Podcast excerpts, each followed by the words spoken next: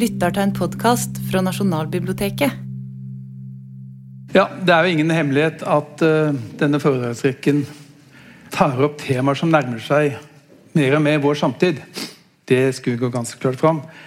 Men det det samtidig innebærer, det er jo at tematikken blir mer og mer konfliktfylt.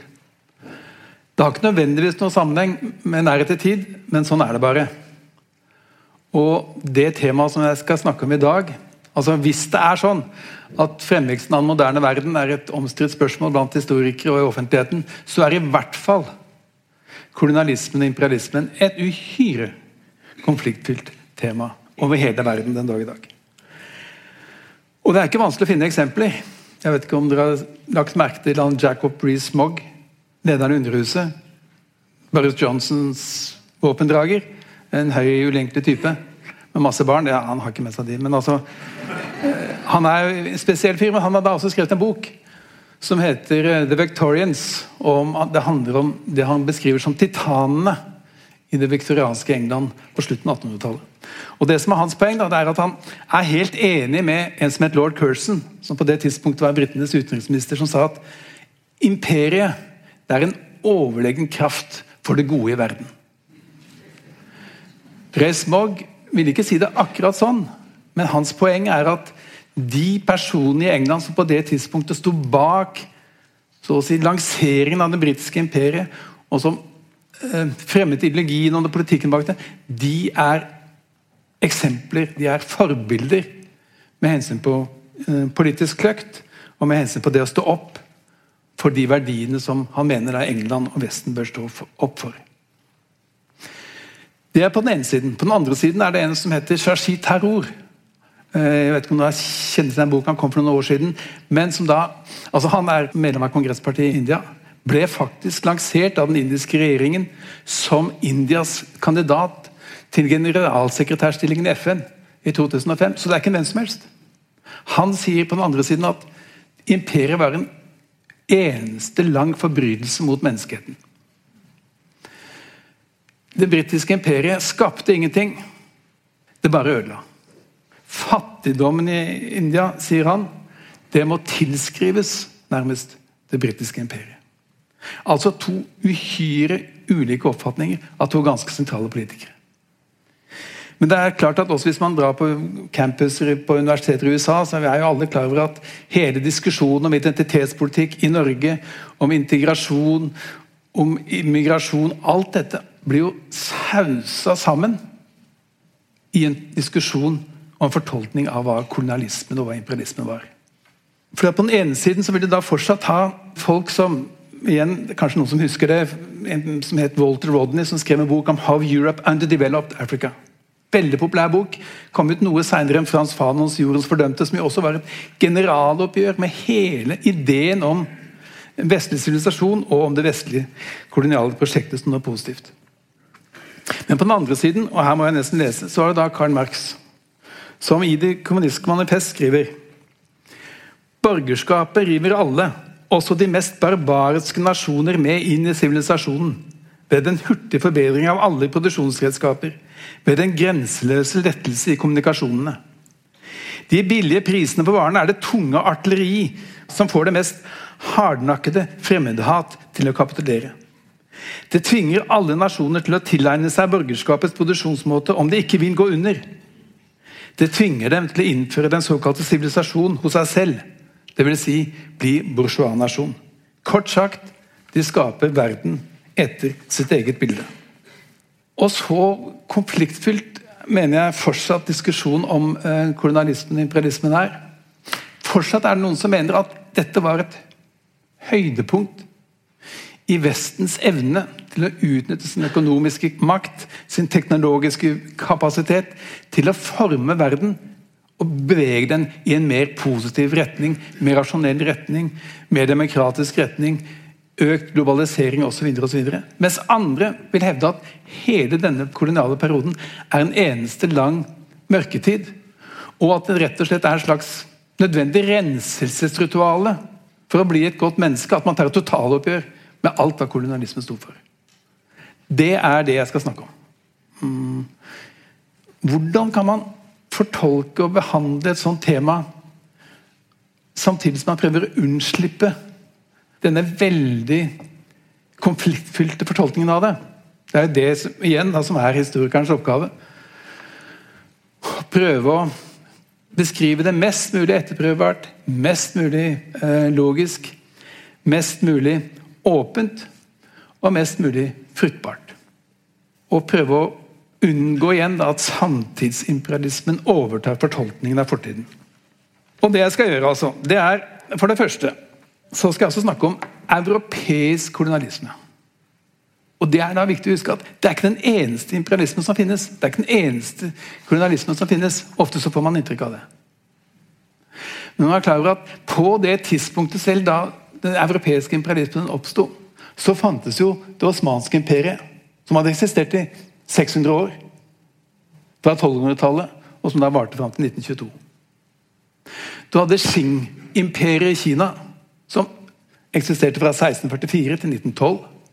Som jo i denne perioden underla seg det som i dag er Tibet, Taiwan, Xinjiang osv. Tidligere hadde du Mongolimperiet som suste inn fra steppene i Mongolia, og som jo erobret store deler av verden, inkludert Kina, deler av Midtøsten. Men som da opphørte med Ming-dynastiet, som jeg snakket om tidligere, i 1368.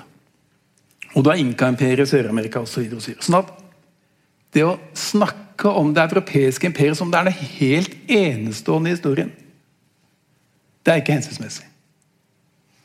Tvert imot så er det mulig å se på verdenshistorien som en eneste lang historie hvor imperier har undertrykt og erobret andre deler av verden. Helt fra det romerske imperiet, Alexander den store, persiske imperiet osv. Det er ikke noe spesielt.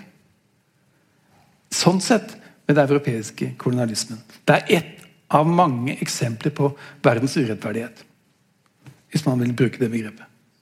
Ved å plassere det i en sånn sammenlignende komparativ sammenheng, så blir det da også mer interessant å se hva er det som eventuelt skiller dette imperiet fra andre imperier. Det at motivasjonen var greed, eller grådighet, eh, makt osv., osv at det var en moral som man kanskje ikke oppfatter som den beste, det er ikke så veldig interessant. For det er jo det som er hele kjernen i imperiedanning opp gjennom hele historien. Så hva er det som skiller det europeiske kolonisystemet fra andre? Og da er det to forhold man må se på der. Altså, Hva var balansen mellom det å erobre, ødelegge, og det å bygge, det å skape utvikling? Det skal jeg prøve å gjøre etter hvert. Og Det tredje som det er viktig å tenke på også i den nåværende sammenhengen, det er at det er veldig mange som hevder at den imperiale relasjon, så å si, den koloniale relasjon, det at noen bestemmer over andre, det produserer og må produsere rasisme. Altså stereotypier, fordommer, forestillinger om forhold som hviler på ideen om at noen er mer verdt enn andre. Vel, hvis det gjelder det europeiske imperiet, så må det jo også gjelde de andre. Og Hvis det er tilfellet, så betyr jo det at rasisme som et ideologi er et mye mye mer globalt fenomen enn det man ofte får inntrykk av når man diskuterer det i dag. Og Hvis man vil, så kan man da studere f.eks. hva var relasjonene mellom den arabiske slavehandelen i Sør-Sudan, og hvordan, hvilke type ideer oppfatninger om afrikanere var det det etablerte, utviklet fostret så å si i Nord-Sudan og Egypt i den perioden da Egypt og Nord-Sudan holdt på med denne virksomheten. Eller man kan studere forholdet mellom Tibet og hankinesere. Altså, man må på en måte, For å forstå globalhistorien i verdenshistorie så må man frigjøre seg fra den eurosentriske ideen om at det kun var europeiske land som etablerte kolonier. Det er en ahistorisk og en veldig narsissistisk måte å se verdenshistorien på, egentlig. Det som da derimot skjedde, eller det som da må være et poeng, det er å hvis man skal diskutere den europeiske og den vestlige sivilisasjonen, det er å finne ut omtrent på hvilket tidspunkt er det mulig å snakke om at dette startet. Og Da vil nesten alle historikere være enige om at det startet omtrent rundt 1500. Det startet med Henrik Sjøfareren ikke sant, til Portugal. Og hans eh, navigasjonsskole ute på spissen av Portugal, ned mot Middelhavet og Atlanterhavet. Hans prosjekt var jo at dette, altså dette foregikk på, på, et tidspunkt hvor Man var i ferd med å gjenerobre den iberiske halvøya fra den arabiske islamske invasjonen som hadde startet på 700-tallet. Og Ideen var dels å spre kristendommen. Dels å knytte an til en mytisk figur som het Prester John, som man mente eksisterte et eller annet sted, som trengte så å si portugisernes støtte. Og ikke minst var det et forsøk på å unngå det osmanske imperiets kontroll over handelen med Asia. Silkeveien, ikke sant, som de satt på. Også Venezia hadde monopol på, men i allianse med det osmanske imperiet. Dette ville portugiserne og spanjolene omgå, der de var plassert ved ytterpunktet av Middelhavet. Så startet da med disse oppdagelsesreisene. Først reise ned langs kysten av Afrika. det var det portugiserne startet. Og så kommer da eh, Columbus i 1492 og får støtte fra den spanske regjeringen til å prøve å finne sjøveien til India. Hun drar rett vest og ender da i Karibien. Et jordskjelv i verdenshistorien. Ikke umiddelbart, men pga. Alle de økonomiske, vitenskapelige og kulturelle konsekvensene det medførte. Fra starten av var jo dette et prosjekt dels med et motiv og et ønske om å tilrane seg rikdommer, men samtidig var det også et prosjekt for å prøve å spre evangeliet. Columbus dro ut med Bibelen i skipssekken og hadde med seg katolske misjonærer så fra starten av. Etter en stund, eller etter noen få år så kommer da Vasco da Gama, portugiseren, og finner da sjøveien til India ved å kjøre rundt sørspissen av Afrika. Igjen et historisk nederlag for det osmanske imperiet. For Det innebar jo at den handelsveien som de hadde hatt kontroll på i alle disse hundreårene, den mistet, eller var i ferd med å miste sin verdi. Og Dette forsto selvsagt portugiserne veldig tidlig, så de brukte da denne oppdagelsen til å etablere knutepunkter, handelsknutepunkter forskjellige steder i Afrika, men også i Asia. I krig ofte, og i kamp med det osmanske imperiet. Det foregikk jo i løpet av 1500-tallet flere trefninger mellom portugisiske og osmanske styrker i, i Stillehavet, og også i Afrika, som jeg skal komme tilbake til, altså det kontinentet. Etiopia sto jo altså Der sto hærer fra portugiserne med en slektning av Vasco da Gama i spissen på den ene siden, og den osmanske hæren og muslimen på den andre siden, og slåss om hvilken religion eller hvilken imperie som skulle styre Etiopia. Vasco da Gamas slektning vant. Og Etiopia forble et eh, ortodoks kristent land. Men denne første vestlige, eller denne første europeiske ekspansjonen den åpnet da opp ikke bare forbindelsen til Sør-Amerika, som den selvsagt fikk katastrofale konsekvenser for. Det er jeg aldri klar over. Altså Det som går under navnet den colombianske utveksling. altså man, Det førte til at planter og varer og sånt fikk sølv og gull fikk globale handelsveier. Men samtidig så innebærer det jo en enorm desminering av Eller en enorm reduksjon av befolkningen av indianere fordi at de ikke taklet de sykdommene som portugiserne kom med. fordi de hadde ikke husdyr og hadde dermed ikke utviklet eh, resistens mot de bakteriene som portugiserne og spanjolene kom med. Så titalls millioner andianere døde jo. Men Samtidig så etablerte de altså den, den første kimen til en global økonomi. Og Derfor går det en direkte linje sånn som jeg ser på historien, mellom Vasco da Gama på 1500-tallet og engelskmennene og amerikanerne på 1800-tallet. For Hva var det engelskmennene gjorde på midten av 1800-tallet? Jo, det var jo at de var i stand til å åpne opp Kina for vestlige økonomiske interesser. Etter langvarige kriger som jo går under navnet opiumskrigene. På 1840-tallet inngikk jo Kina en veldig ydmykende avtale som jeg skal komme tilbake til i neste forelesning, med England, som heter Nanjing-avtalen, hvor de tillot engelskmennene å handle rundt med hele Kina, sånn som engelskmennene nærmest ville, og ga det fordeler osv. samtidig som engelskmennene fikk lov til å selge opium til Kina. Med den konsekvens for eksempel, at på 1900-tallet var 40 millioner kinesere avhengig av opium. En enorm effekt. Men de åpnet Kina. Det var ikke sånn som Marx sier, at det var holdt med lave priser. Nei, de kom også med verdens beste og mest utviklede skip. Bygd av jern. Totalt teknologisk overlegen det kineserne hadde. Og denne båten ble kalt Nemesis. Fordi at det var nettopp det den var. Den var også uovervinnelig sett fra kinesernes side. Fordi at den teknologiske eh, forskjellen i utviklingsnivå var så dramatisk. Omtrent samtidig, eller ti år etterpå, så åpnet jo amerikanerne opp Japan. Japan under Tokugawa Shogunate hadde vært lukket for utenlandsk handel i 200 år. Selvsagt en barriere oppfattet den vestlige ekspansive kapitalismen og handelsinteressene. De sendte da en som het admiral Perry med kanonbåt. Han la seg fast i, i, i sjøen rett utenfor Tokyo og truet med å bombe Edo, eller dagens Tokyo. Og åpne sånn sett Japan for handel på nytt. Med det resultatet også at Tokugawa-shogunatet kollapset. Men altså Forbindelsen mellom Vasco da Gama og Columbus' oppdagelse av disse nye sjøveiene som da førte til helt nye globale handelsruter, og det som skjedde på 1800-tallet, der man systematisk åpnet opp viktige asiatiske land, der er det en veldig tydelig historisk forbindelse som er med på å legge basis for det som senere ble kolonialismen. For Jeg kan ikke snakke om hele alt som har med kolonialisme å gjøre. Det er altfor omfattende. Det dreier seg om handel, det dreier seg om misjon, det dreier seg om alle mulige slags land. Det dreier seg om settlervirksomheten. Tenk deg alle de landene som europeerne bosatt eller reiste til og gjorde europeiske i løpet av denne perioden. USA kjenner vi alle til. Australia, Sør-Afrika, Canada Hele Sør-Amerika.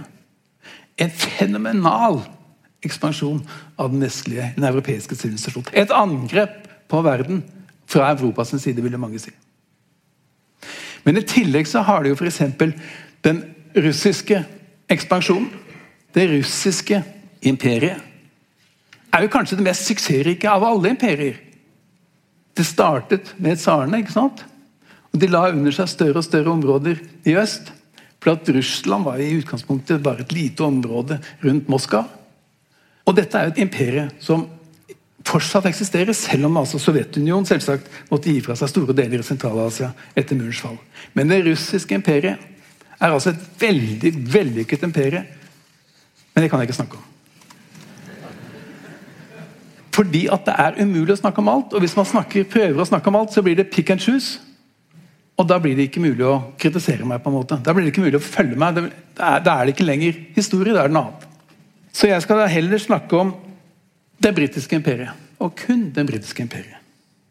Og det er ikke så rart i og for seg, fordi at det er stort. Det dekte omtrent 25 eh, av, verdens, av kloden på det meste. Og er det største imperiet verden har sett. Og Jeg vil konsentrere meg om det som er kjerneperioden i det britiske imperiet. Og det er usedvanlig kort hvis man sammenligner med de andre imperiene. Jeg snakket om det osmanske imperiet, som varte 600 år. Det britiske imperiet i sin moderne, velorganiserte form varte ca. 100 år. Og det er den perioden jeg skal snakke om. Jeg kan heller ikke snakke om eh, hele det britiske imperiet. Altså, det er jo helt umulig igjen. Fordi at det er altfor omfattende. Motivene, relasjonene til de ulike koloniene er altfor variert til at det går an å si noe sammenfattende om det på denne korte tiden. Det er ikke meningsfylt. Derfor er jeg nødt til å avgrense ytterligere. Så det Jeg skal gjøre, jeg skal snakke om det britiske imperiet i Afrika. Og Hvorfor skal jeg snakke om det britiske imperiet i Afrika? Jo, fordi det er, det er det som de fleste oppfatter som liksom kjerneområdet for britisk kolonialisme. Så det er naturlig. Det er midt i smørøyet, så å si. Men jeg skal ikke snakke om hele Afrika heller.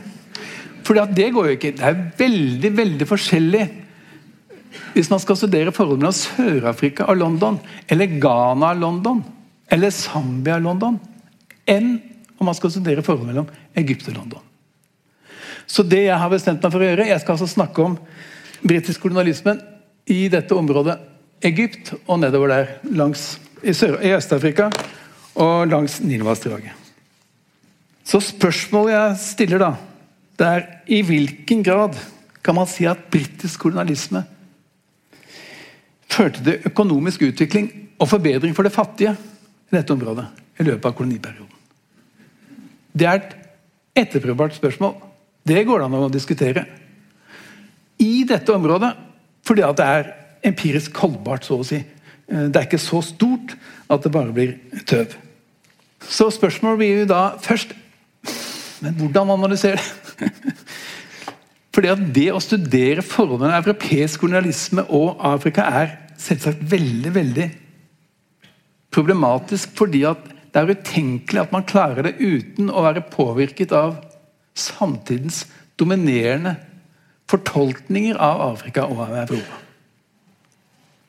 Sånne relasjonelle mm, eller sånne relasjoner mellom stater vil jo alltid produsere ulike former for stereotypier, oppfatning av en selv og den andre. Og Er det ett område hvor dette er virkelig aktuelt å studere empirisk, så dreier det seg nettopp om britisk kolonialisme i Afrika. Fordi at Det aksentuerer, det setter søkelyset så å si på alle mulige slags dype følelser som de fleste folk har om hvordan verden utvikler seg. Om hva som er menneskelig, om hva som er rettferdighet osv. osv. Så det første man da må gjøre, det er jo å prøve å identifisere hva disse dominerende fortolkningsmønstrene er. Hva disse for dominerende fortolkningsfiltrene er. For ellers så vil man jo veldig lett bare bli en kopist av hva andre allerede har sagt. Eller man vil bare bli en slags klakør for samtidens oppfatning av hva som skjedde. Fordi at det er åpenbart at Hvis man går til samtidige britiske kilder, så er de dypt påvirket av den imperiale relasjon, og at britene på det tidspunktet oppfattet seg, med rette eller urette, som verdens uten sammenligning mest avanserte stat. Med de mest avanserte ideene hvordan samfunnet skulle organiseres. Med den mest avanserte teknologien. Og Derfor var det også veldig mange i Storbritannia på denne tiden som oppfattet det å spre så å si Englands makt over verden var et gode for verden, jf. utenriksminister Curlsen. Og husk på at så sent som og det tror jeg nevnte tidligere, så sent som på 1960-tallet var det en ledende britisk historiker som het Trevor Roper, som sa at Afrika Afrika har ingen historie før den hvite mann. Det var på 1960-tallet. Så det er klart at i en situasjon hvor da forestillingene om Afrika og om britene hadde det helt spesielle historiske festet. Det gjør det veldig veldig vanskelig å bruke disse kildene som inntak for å forstå akkurat hva som skjer. Man må prøve å distansere seg i forhold til dem. Samtidig så er det jo også sånn at historien har ikke så stille sånn at denne koloniale oppfatningen av Afrika har jo kommet under ekstremt sterk kritikk av mange. En av de mest toneangivende, som jeg også har nevnt tidligere, men som jeg må komme tilbake til, også fordi at det er en kjent person i Norge, det er jo Edvard Saids kritikk av orientalismen. Han mener jo at Karl Marx, det sitatet jeg viste, fra, viste til i sted, og veldig mange andre europeiske intellektuelle er fundamentalt ute av stand til å forstå den ikke-europeiske verden fordi at de hele tiden vil bli påvirket av denne maktrelasjonen. Hans tese er jo at enhver vestlig intellektuell tar så å si del i et maktprosjekt for å undertvinge den andre. Og at den innsikten man så produserer, er egentlig bare et ledd i, i å realisere denne makten. Altså at Det er veldig vanskelig å tenke seg at en vestlig historiker eller vestlig intellektuell kan nærme seg noe som minner om objektivitet eller nøytralitet i analysen av hva som skjer. Som jeg var inne på tidligere, så er det åpenbart at den kritikken har veldig mye for seg. Det er helt innlysende, og det er ikke vanskelig å oppdage eksempel på det, at sentrale koloniale embetsmenn, sentrale forfattere, ideologer, intellektuelle på den tiden, de oppfattet den andre som grunnleggende irrasjonell, i kontrast til den vestlige rasjonaliteten. Som grunnleggende sett eh, underordnet i forhold til den vestlige eh, og den europeiske sivilisasjonen. Som eksotisk og vanskelig å forstå, altså som hadde en helt annen type eh, tilnærming til hele livet osv. til vitenskapen. Altså at, de, at disse forestillingene eksisterte Det kan det ikke være tvil om. Men spørsmålet er eksisterte de i den grad som Edvard Said hevder at de gjorde. Etter min mening så gjorde de ikke det. Men i tillegg, og det som er mest interessant, det er at hans kritikk Hvis man nå husker det jeg sa i stad, hvis man er enig i det jeg sa i stad om at det er ikke bare det europeiske imperiet som har eksistert i verdenshistorien. Det er mange. Det er det som er det normale, så å si, i verdenshistorien. Da vil jo Saids kritikk ramme nesten alle. Fordi at Hvis det er sånn at europeere ikke kan forstå den ikke-europeiske verden, ja, men så kan heller ikke osmanerne forstå den afrikanske verden. For at De var jo imperiet vi ser i den afrikanske verden. Og kineserne kan ikke forstå tibeterne, tibetanerne osv. Altså, det er veldig veldig mange som ikke kan forstå, eller kan ha håp om å ta del i en historisk eller vitenskapelig diskusjon om hvordan verden har utviklet seg. Så på den ene siden så bør man altså erkjenne tyngden av disse koloniale fortolkningstradisjonene. Men på den andre siden så må man ikke la seg overmannes av dem. Fordi, som også mange har sagt, at dersom man kjøper den måten å tenke på, så blir enhver form for vitenskapelig diskurs på global plan egentlig meningsløs, for det er noen som i utgangspunktet vil bli definert som biased per definisjon, og dermed ikke likeverdige partnere i en sånn samtale om hvordan verden utvikler seg. I norsk sammenheng, i samtidshistorisk sammenheng så er det kanskje enda mer viktig og, eller mer sentralt å reflektere over eh, det jeg også har vært inne på tidligere. Men altså forestillingen om at utvikling er samfunnets normaltilstand. Altså at Dersom utvikling ikke skjer, så skyldes det et eller annet eksternt. Dersom det er sånn at det ikke skjer utvikling i Afrika, så må det per definisjon nærmest skyldes noe eksternt eller noe merkelig. Altså, det kan i hvert fall ikke forklares ut ifra samfunnets egen historie eller ut fra samfunnets egen dynamikk. Hvis det er sånn at man virkelig mener at utvikling er samfunnets normaltilstand. Ikke sant? Og innenfor den måten å tenke på, så er det jo sånn, og dette kommer veldig tydelig fram i norske bistandsmeldinger for eksempel, fra 1990-tallet, så fantes det ikke Innenfor det bildet av utviklingen så fantes det ikke forestillinger om religion, kultur. Islam ble aldri nevnt, hinduismen ble aldri nevnt, konstitusjonismen ble aldri nevnt, kristendom ble aldri nevnt. Det var som om alle samfunn som har vært inne på tidligere, var like og hadde like forutsetninger for utvikling. Og Hvis alle samfunn har like forutsetninger for utvikling, og utvikling er samfunnets normaltilstand, ja, så må all utvikling nærmest i Afrika, eller i hvert fall veldig mye av utviklingen i Afrika, og mangel på utvikling i Afrika, forklares ved hjelp av eksterne krefter, som den britiske kolonialismen. Så jeg mener da at ved å reflektere kritisk over disse ulike fortolkningstradisjonene overhodet ikke tro at det er mulig å fri seg fra noen av dem totalt. Men ved å reflektere kritisk over dem, så er det kanskje mulig å etablere tilstrekkelig distanse til at man kan snakke om disse tingene på en noenlunde rasjonell måte. Og på en noenlunde ikke-politiserende måte. Så du er noe av prosjektet her. Ok. Da begynner jeg.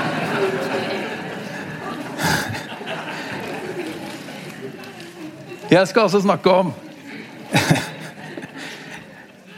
Jeg skal altså snakke om det britiske imperiet i første år for Egypt. Og Britene okkuperte Egypt i 1882. Men dette hadde jo også en forhistorie. Og hva var den? Jeg har vært inne på den også tidligere, for her henger alt sammen med alt.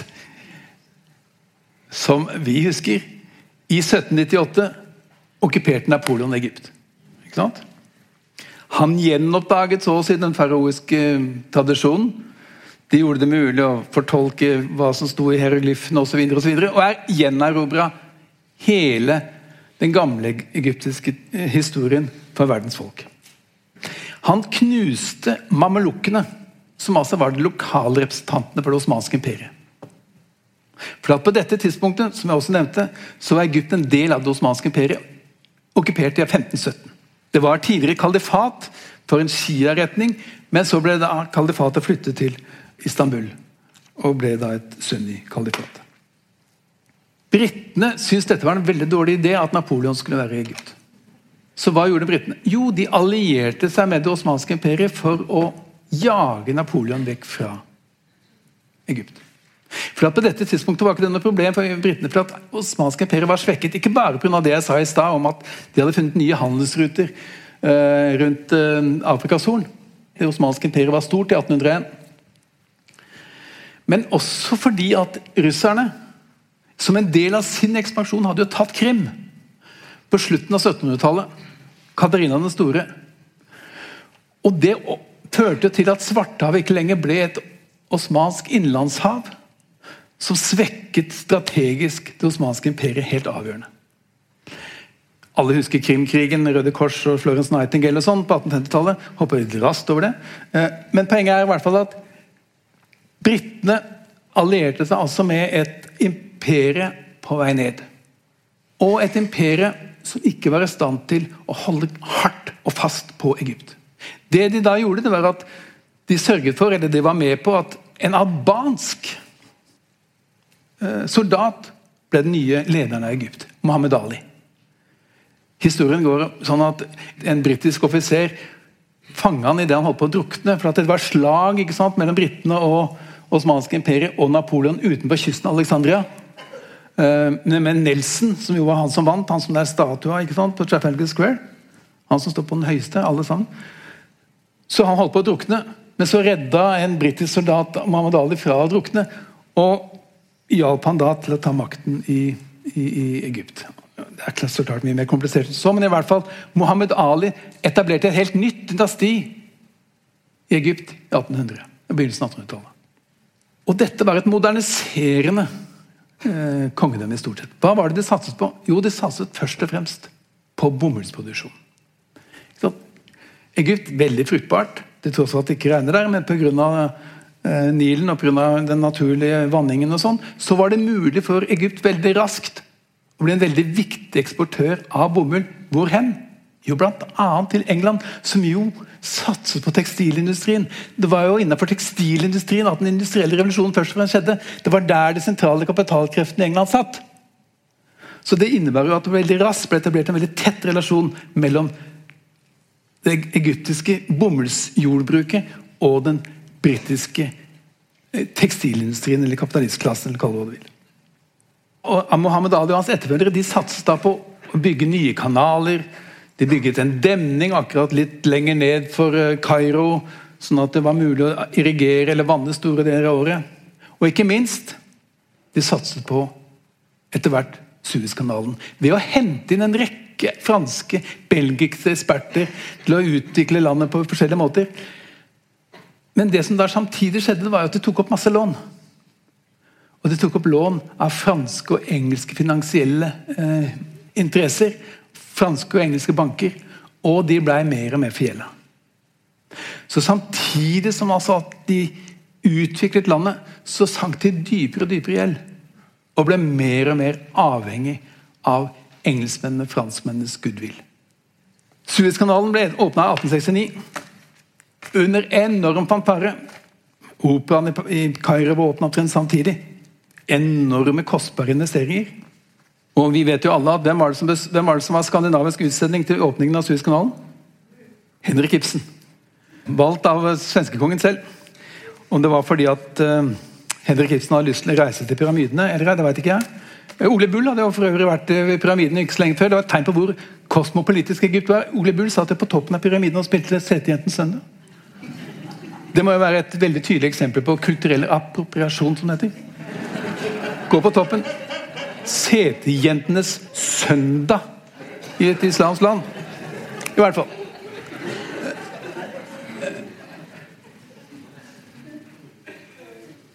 Egypt hadde altså blitt et viktig land for europeiske kapitalinteresser. Og et uhyre viktig strategisk land. Fordi at ved Suezkanalen så ble hele sjøveien rundt Afrika gjort mye mindre viktig. For at nå ble det etablert en ny, kort vei til det som var juvelen i kronen, nemlig India. Nå hadde jeg tenkt å snakke veldig mye om India og The Indian Mutiny og sånn. fordi at det som skjedde i India, var jo veldig veldig viktig for hele forståelsen av kolonihistorien. Dels fordi at det startet jo med et privat selskap, så å si, The, Indian, The East Indian Company, ikke sant? som var en samling med ja, råkapitalister, kan du si, og eventyrere. Som dura inn der og begynte å svekke det som da var Mogal-dynastiet. Mogal-imperiet var et islamsk imperium som på det tidspunktet kontrollerte India. De tok makten der i 1536. Mest kjent for kanskje Shah Jahan, som bygde da Taj Mahal til kona si. Eh, som da hadde dødd etter å ha født 14 barn. Eller døde i det hun prøvde å føde det 14. barnet. Eh, men han var så glad i henne at han var nødt til å bygge Taj Mahal. Eh, og den islamske erobringen av India er jo et veldig komplisert kapittel. Det er noen som mener at det var en ekstremt voldelig affære. Historikeren Fernand Brodel mener f.eks. det. Noen mener at hindu-kurs kommer av at det var det der var det så mange hinduer som ble drept. altså hindu-kurs, fjellkjeden i Afghanistan. Andre mener at det var helt feil, det var en relativt fredelig erobring osv. Men i hvert fall, på det tidspunktet så ble det svekket. og det Østindiske Handelskompani de oppførte seg omtrent som de kapitalistene som Marx skrev om her. De jevnet med jorden sånn si, alle tradisjoner som de mente ikke eh, var i samsvar med hva som var hensiktsmessig i den moderne verdensøkonomi. De stoppet enkebrenningen, f.eks. Landet forbud mot det. Ingen indisk konge turte å gjøre det, ikke sant? fordi det er ikke stor motstand. De prøvde å svekke sharialovgivningen, som da det mogalske imperiet sto for.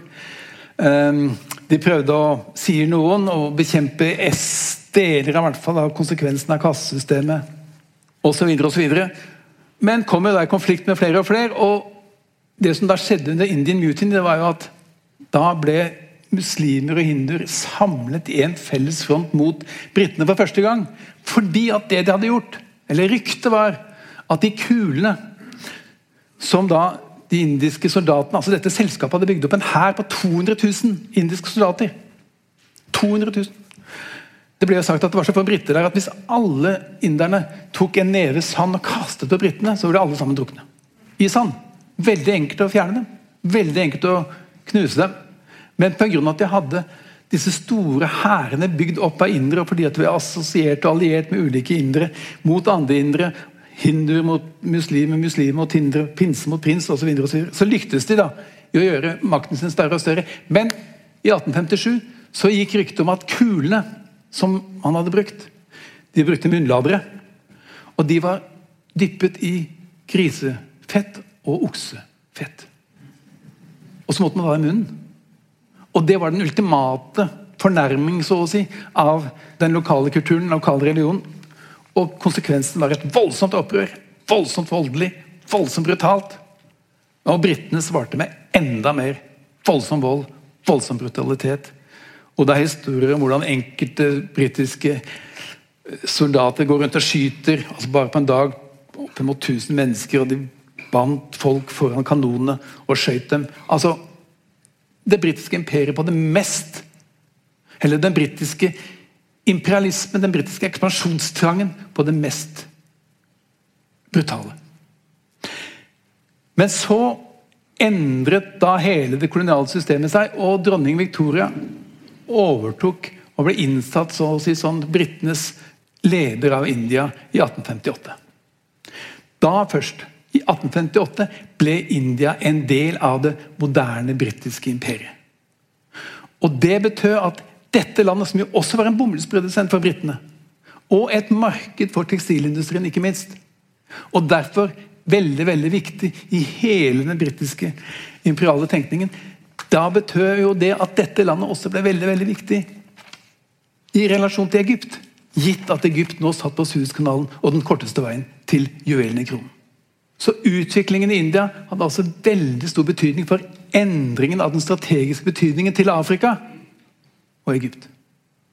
Det er ikke sikkert at britene hadde okkupert Egypt hadde det ikke vært for denne utviklingen i India. Det kan hende, men det vet jo ingen. Poenget er i hvert fall at i 1882 så besluttet da britene å okkupere Egypt. Av to grunner.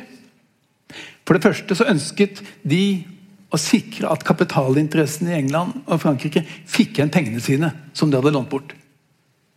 Fordi at det viste seg at Egypt ikke klarte å betale lånene.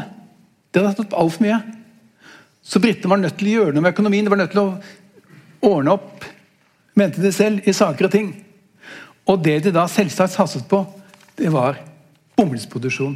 Og utvikle den ytterligere. Den andre grunnen det var altså det strategiske.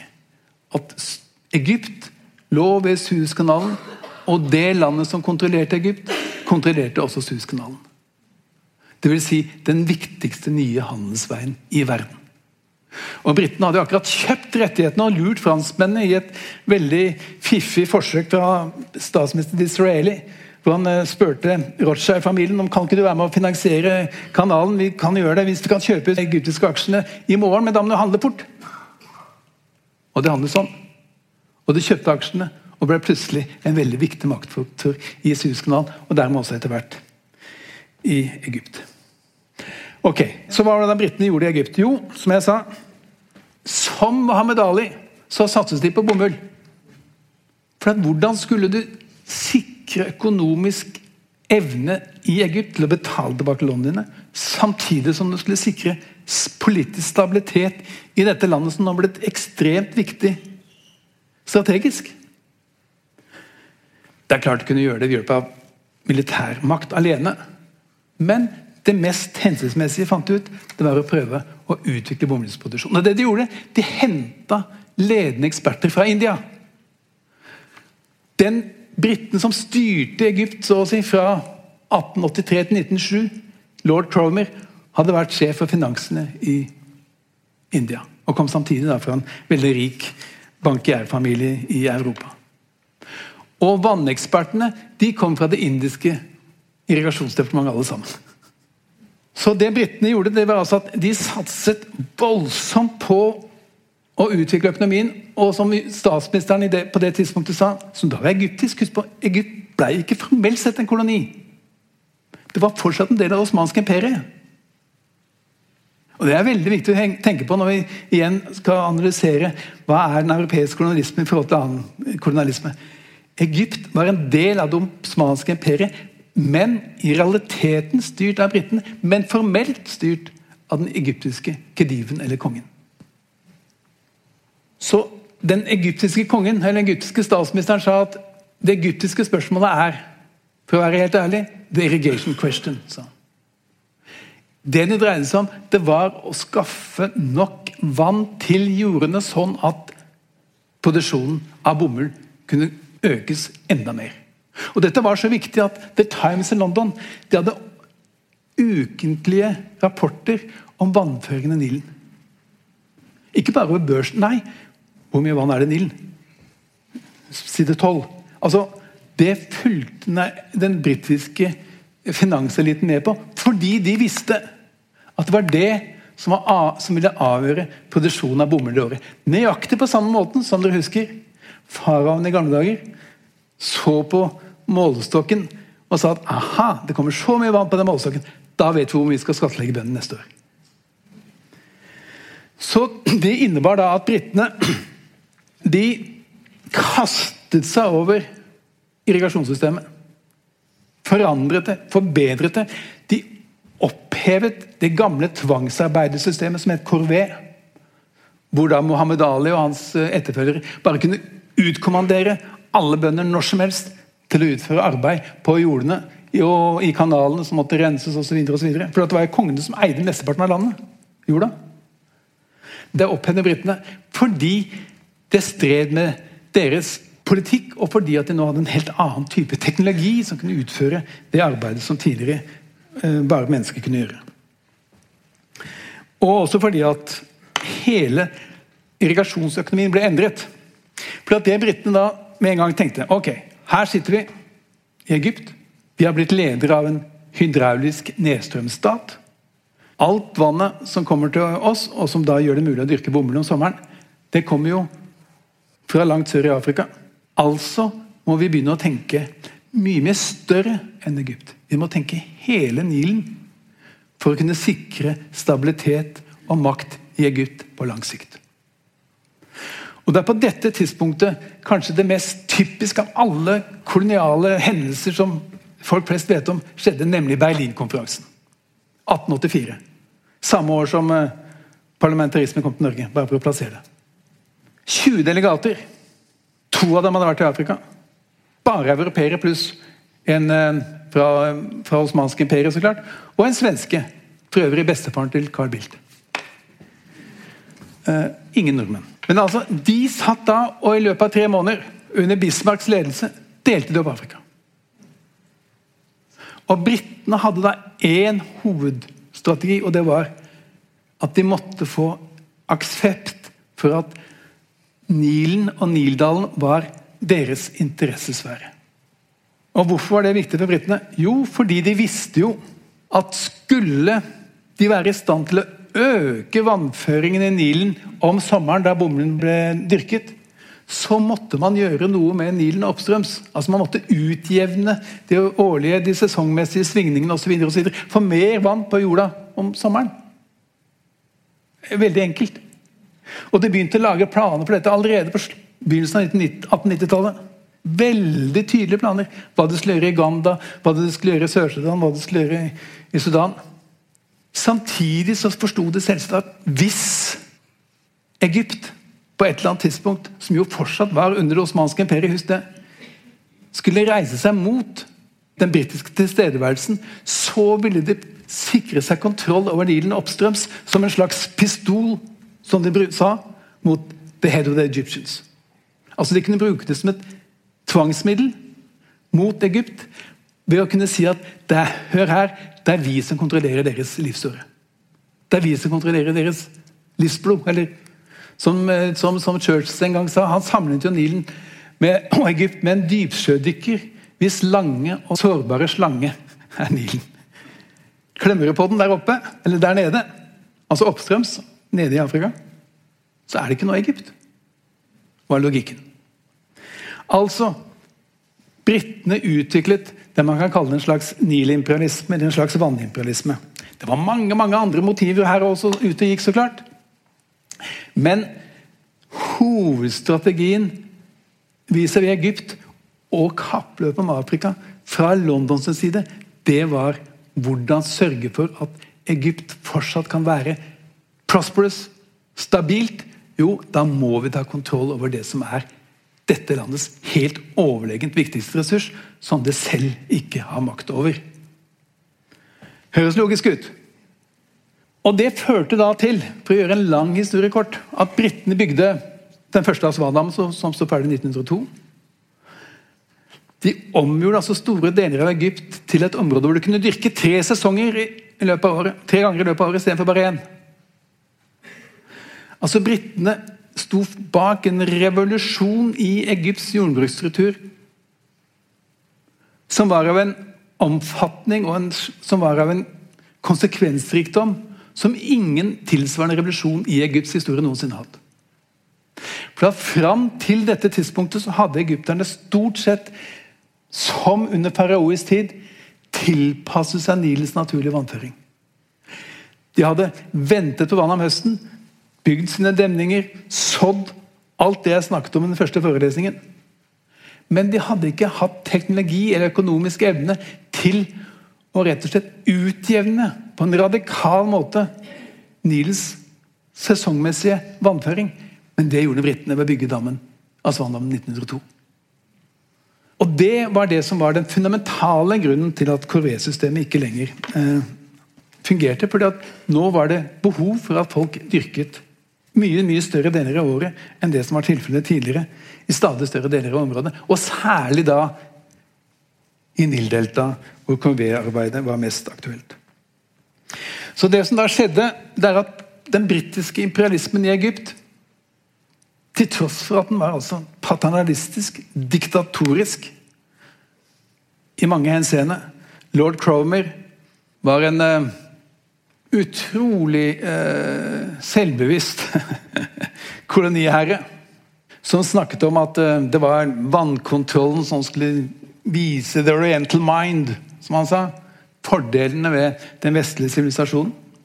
Han styrte altså, til tross for at han ikke hadde formell makt, Egypt Mahar han var the puppet master of Egyptian politics, som det ble sagt.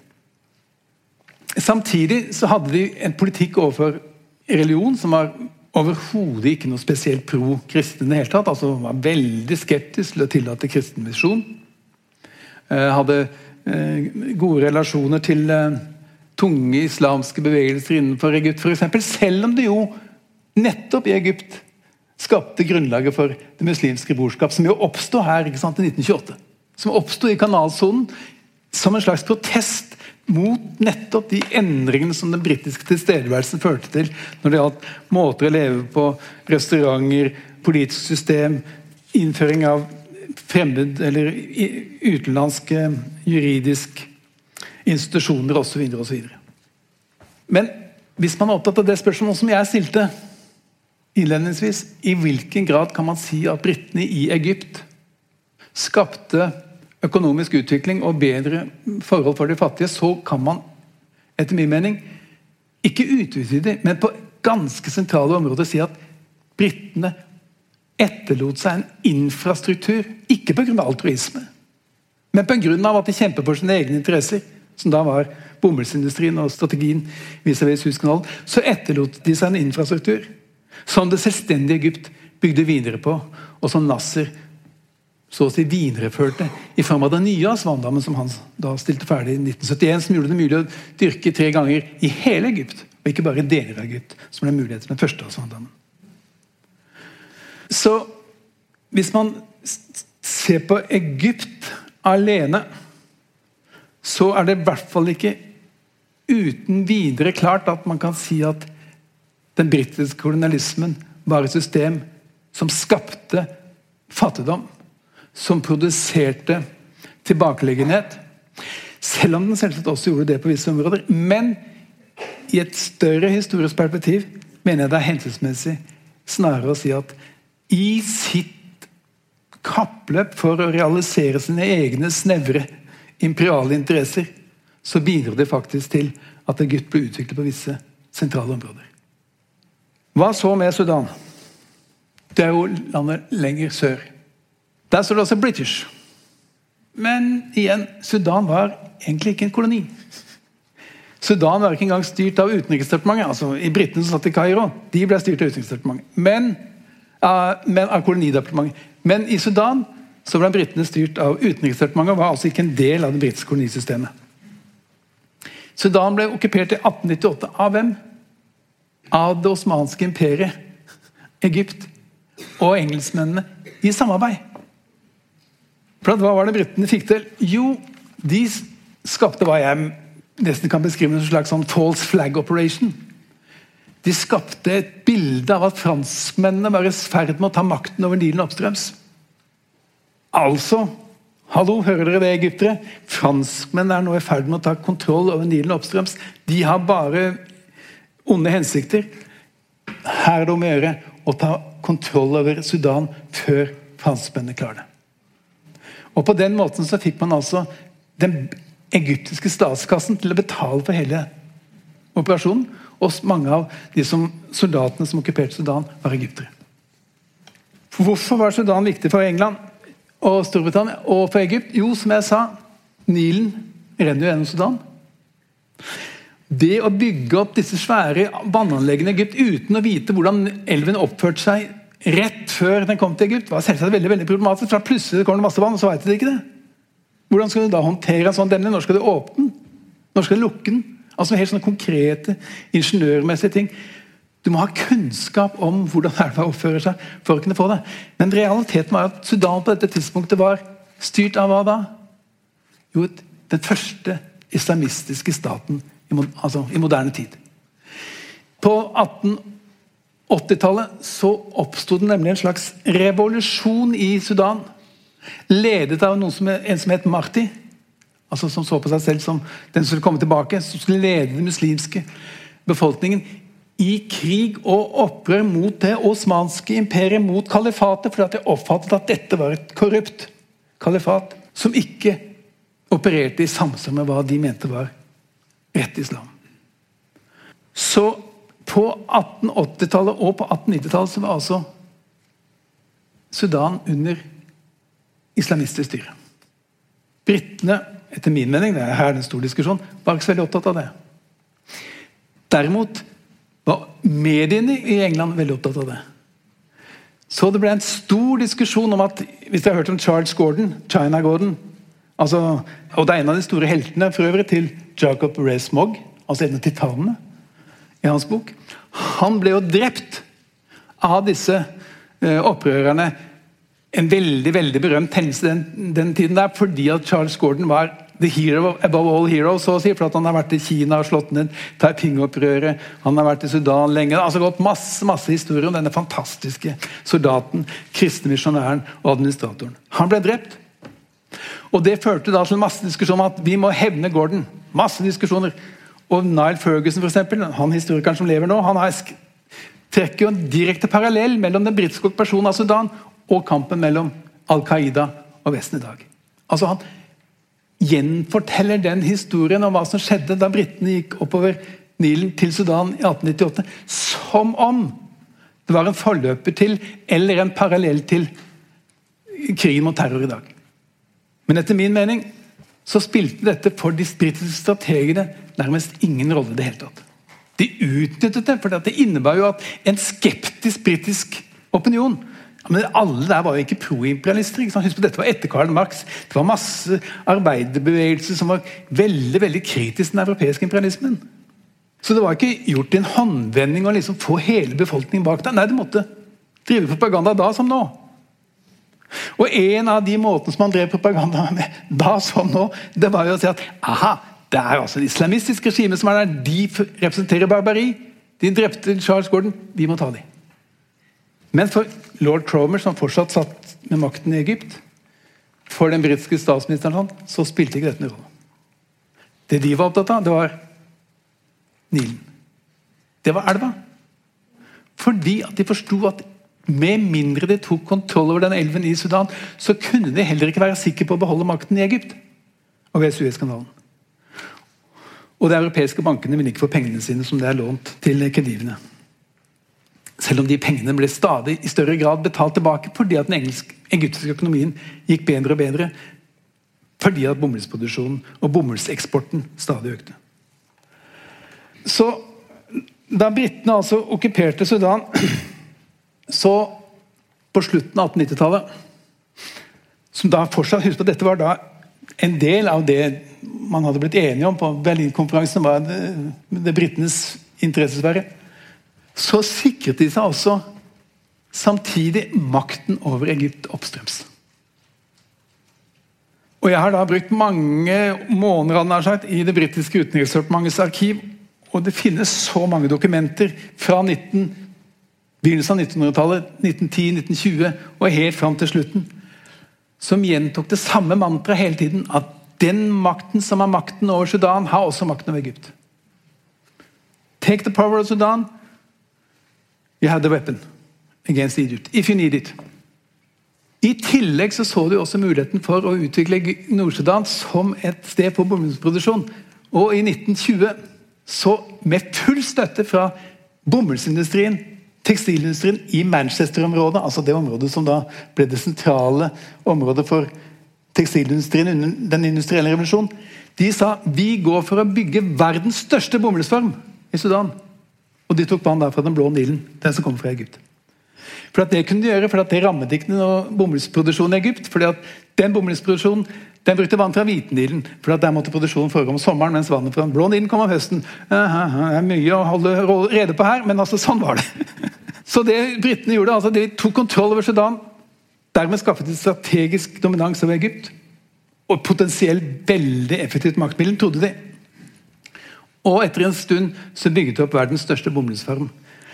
Eh, som er større enn hele det egyptiske delta i omfang. Og igjen så kan man da si Hva var britenes motiv i Sudan? Det er klart at det var mye mer sammensatt. Det var misjonsinteresser. Mange av misjonsinteressene satset jo veldig på at nettopp fordi at denne okkupasjonen ble gjennomført under slagere revenge, altså hevn fra Gordon, kamp mot det islamske barbari, så trodde de jo at det skulle bli grønt lys for all mulig slags misjonsarbeid. Men hva var det lord Cromer og britene sa med en gang? Her er det forbud mot misjon. I hele Nord-Sudan. Ingen kristen misjon her. Isteden inngikk de allianser med tunge islamske grupperinger og politiske klaner og sånt i Sudan for å bevare og opprettholde stabilitet og ha noen å samarbeide med. Også for å bygge opp en sudansk elite som da over tid kunne utvikle økonomiske interesser knyttet opp til irrigasjon, som stred med interessen til Egypt, og dermed slå en kile mellom disse to landene, som den britiske strategien jo i det lange er helt avhengig av. Så forestillingen om at den britiske imperialismen eller britiske kolonialismen i Afrika, eller vis-à-vis den muslimske verden i denne delen av Afrika, var et misjoneringsprosjekt, et korsfarertog, er også helt feil. I denne perioden, i den avgjørende formative perioden, så var snarere det britiske koloniale prosjektet veldig skeptisk til misjon i denne delen av Jeg kommer tilbake til andre områder hvor det ikke var det. Men i denne delen av, av, av, Afrika. Nettopp fordi at de ønsket stabilitet og økonomisk fortjeneste. Og var ikke ute etter å save the souls. Jeg har snakket nå litt om Sudan. Jeg må snakke om Uganda. Ja, jo, Uganda det ligger eh, ved Victoriasjøen. Verdens nest største innsjø ligger i Uganda. Mm? Hva, hvorfor var britene opptatt av dette? Jo, de tok Uganda i 1894. Altså før Sudan. Hvorfor måtte de gjøre det? Jo, fordi at de hadde disse planene om å føre mer vann i den hvite Nilen til Egypt for å skape mer bomullsproduksjon. De britiske ekspertene sa sånn Hev vannet i Victoriasjøen én meter, og Egypt vil ha 30 ganger det vannet det noensinne ville trenge hvis man gjør det. Så lest du ut, Så i 1894 allerede, altså, to år før The Sudan Campaign, som da endte i 1898 plasserte britene seg i Uganda. Men hvordan gjorde de det? Jo, for det første så måtte de gå fjerne restene av det osmanske imperiet, som jo også hadde forsøkt å underlegge seg deler av Uganda. De hadde sendt soldater oppover på 1870-tallet. Det prøvde britene å kvitte seg med, og det klarte de å kvitte seg med. Og de stoppet jo også umiddelbart slavehandel som hadde pågått ganske lenge mellom Sentral-Afrika og kysten ikke sant, ned mot Oman og, og Zanzibar. og sånn. Fordi at, dels fordi at de var imot det, men også fordi at de visste at dette ville ramme de økonomiske interessene som da utenforstående krefter hadde, og som de ikke ville ha mm, flyende rundt så å si, i sitt interessesfæreområde. Så de inngikk allianse med bugandaene, som da var den største etniske gruppen, og underskrev så sin avtale om at de styrer Uganda så å si sammen med britene. Altså igjen, De inngikk en allianse og dette er en av mange altså Det er ikke akkurat indirekte eh, styre, men dere har kanskje hørt om at britene satsa på indirect rule mange steder. ikke sant? I Nigeria så var det jo, sies det at det var 200 briter som styrte over 22 millioner nigerianere. Og Det var ikke mulig uten at de satset på å styre gjennom lokale samarbeidspartnere. Altså Elementer i det nigerianske samfunnet som så seg personlig tjent med å bli alliert med britene. Og I Uganda også var det en relativt liten, tung, liten britisk administrasjon som allikevel klarte å etablere Uganda som stat, som ikke fantes før. Det etablerte også Kenya som stat, som heller ikke fantes før. Og som heller neppe hadde noensinne kommet til å eksistere, hadde ikke vært for britenes strategi. Som igjen var formet av veldig mange forskjellige slags hensyn. Men i hvert fall, Kenya er en eklefødt barn av en britisk kolonialisme. Men britene Av forskjellige grunner da, så kunne ikke de gå inn for utvikling av Uganda, selv om Vincent Churchill som på dette tidspunktet, dette er nå er jeg fortsatt på begynnelsen av 1900-tallet, han sa jo Uganda det er så potensielt altså Det kan bli, som han sa, the powerhouse of East Africa. Pga. alle fossene som Nilen har i dette området. La oss bygge kraftverk. La oss skape Manchester så si i England. Det var hans visjon. Han så for seg at Uganda som kolonial, kolonial administrasjon, som blomstret så å si av utvikling fordi at han mente at det ville være til eh, fordel for det britiske imperiet. Men britene i Kairo sa nei. Cromer sa nei. Fordi at de ville jo ikke at noe av dette vannet skulle brukes i Uganda. Dette var en del av Egypts elv. Og Derfor var det altså en konflikt mellom deler av det britiske imperiet i Uganda og deler av det britiske imperiet i Egypt. Igjen et eksempel på at det koloniale systemet er ikke en Altså Det er et mangehodet troll. Det er fullt av indre motsetninger. Det inngår en rekke ulike relasjoner med en rekke ulike land på forskjellige tidspunkter. Formet av interesser. Sånn at det å oppsummere så å si, den britiske koloniale historien og dens effekt i én setning, men det er veldig, veldig, veldig problematisk. Og Det blir ytterligere klart hvis man går til Sør-Sudan. Nå ser jeg at jeg begynner å måtte snakke uhyre fort. For at Sør-Sudan var jo en del av Sudan. ikke sant? Nå har det blitt et eget land i 2011 etter at Norge og USA gikk inn for det. Blant annet. Det var jo et land som ikke ble utviklet av britene. Fordi at der hadde britene mange igjen motiv. Der ble misjonen tillatt. Det delte til og med opp hele regionen. Sa til dere, den misjonsorganisasjonen for den delen av landet, den delen for den delen av landet, den delen for den delen av landet. Sånn at det var garantert å ikke skape noe grunnlag for religiøs enhet. Og Det var også sånn at det var helt imot å sende sørsudanere på skolen, og sånn, fordi de var redd for ikke islam, først og fremst, som mange vil si, men for nasjonalisme. Det britene hadde som strategisk hovedmål i, i Sør-Sudan, det var at det skulle være sånn som det var. Fordi at de forsto at det var ikke noe vits i å bygge denne svære dammen i Uganda uten at de også gjorde sumpen i Sør-Sudan mye mer effektiv som en vannvei mot Egypt. For dette her er verdens største sump, ikke sant? og det betyr at halvparten av Hvite Nilens vannmasse fordamper der. Hvorfor bygge en svær dam i, i Uganda hvis alt vannet blir borte i sumpen? Ikke noe vits. Så Derfor så planla britene allerede på 1890-tallet en kanal på 36 mil tvers igjennom, eller litt utenfor sumpen, som skulle føre vannet raskere. For å få det til ønsket ikke noen økonomiske investeringer. For alle skjønte jo at dersom den kanalen ble bygget, så ville hele det økonomiske fundamentet for alle mulige slags økonomisk virksomhet endres. Så det var best. La oss beholde det sånn som det er. Så Det innebar at i Sudan, i Sør-Sudan så skapte altså britene ingen utvikling. Derimot så satset de på en politikk som innebar å, å, å, å regenerere stammesjelen, som de sa. Altså, de hentet inn de beste antropologene fra Oxford og Cambridge til å studere uh, lokalbefolkningen. Noen av de beste, fremste, mest kjente antropologene i verden drev konsulentvirksomhet for den britiske imperiet i Sør-Sudan. For at de skulle være i stand til å styre gjennom de lokale høvdingene. Sånn at Dette var da et område som altså er så svært som fra Paris til Moskva. Og det var en håndfull britiske administratorer som ikke hadde biler, det var ikke veier, som ikke hadde fly, det fantes ikke flyplasser, men som gikk på beina og styrte dette landet i 60 år. Fra 1898 til 1956. Men det som da er det pussige, er at til tross for at det ikke skjedde noe utvikling der, så gikk sørsudanerne til krig i 1956 for at britene ikke skulle dra. Sudan fikk selvstendighet i 1956. Men sørsudanerne var da mer bekymret for å bli dominert av det arabisk-islamske nord enn av britene. Så de sa 'please, please, ikke dra'.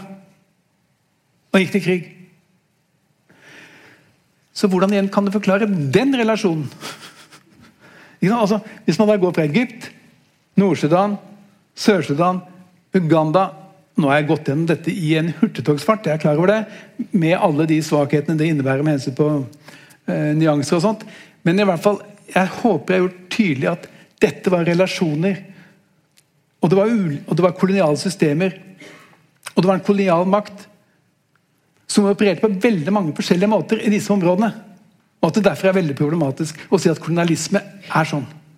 Kolonialisme skaper de og de forestillinger. Ikke minst i Sudan, som da det ble styrt av The Sudan Political Service. Du kunne ikke få jobb der uten at du hadde doktorgrad fra Cambridge eller Oxford. ofte. I antropologi eller historie. Du måtte kunne språket. Og Folk som var der kortere enn to år, de ble kalt sånn 'passing birds'. Mens innenfor bistandsadministrasjonen så har det nesten aldri skjedd at folk har vært to år på samme sted. Passing birds. Jo, men altså, De måtte være der for å lære befolkningen å kjenne.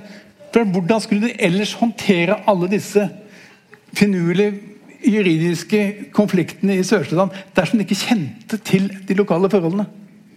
Da var det helt umulig. Det forutsatte distriktskommissærer eller distriktscommissioners av en spesiell skole.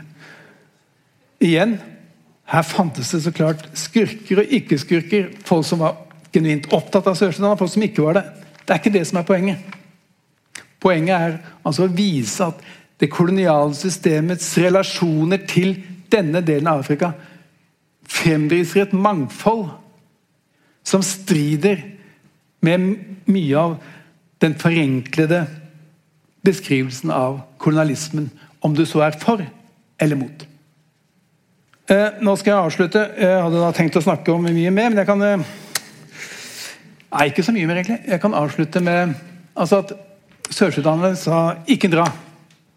Eh, noen mener jo at og Resmog vil antakeligvis mene at deler av Afrika var en bedre stilling av nærmest under kolonitiden enn det var under selvstendigheten. Selv om selvstendigheten jo i mange sammenhenger var et, innebar at man bygde samfunn på den britiske modellen, ikke bare med det britiske språket, men også det britiske partis ideen om nasjon, juridisk system osv. Så, videre, og så, så Storbritannia hadde jo en enorm politisk ideologisk innflytelse i deler av Afrika. Ikke så mye i Egypt, så klart, for det var en gammel gammel sivilisasjon med sin eget prosjekt. Og heller ikke så mye i Nord-Sudan, men i andre deler av Afrika. Men poenget er at kolonialismen er jo noe mer. For kolonialismen er jo også en relasjon mellom mennesker. Med enorm viser det seg konsekvens for hvordan man forholder seg til sine medmennesker og til verden. Og dette skildrer jo Nelson Mandela veldig godt i sin selvbiografi. Han eh, skal til Etiopia på et møte for å skaffe penger til kampen mot apartheid. Og så setter han seg på et fly, og så skriver han at han ble slått av panikk. For han så det var en svart pilot. En svart pilot. Kan de kjøre fly? Tenkte Nelson Mandela. På vei til et møte til kampen mot apartheid. Så, han, så satte jeg meg ned stille og tenkte på meg selv og hvordan denne ideen var overhodet mulig å få. Og da skjønte jeg den negative konsekvensen av the colonial mind. Takk for meg.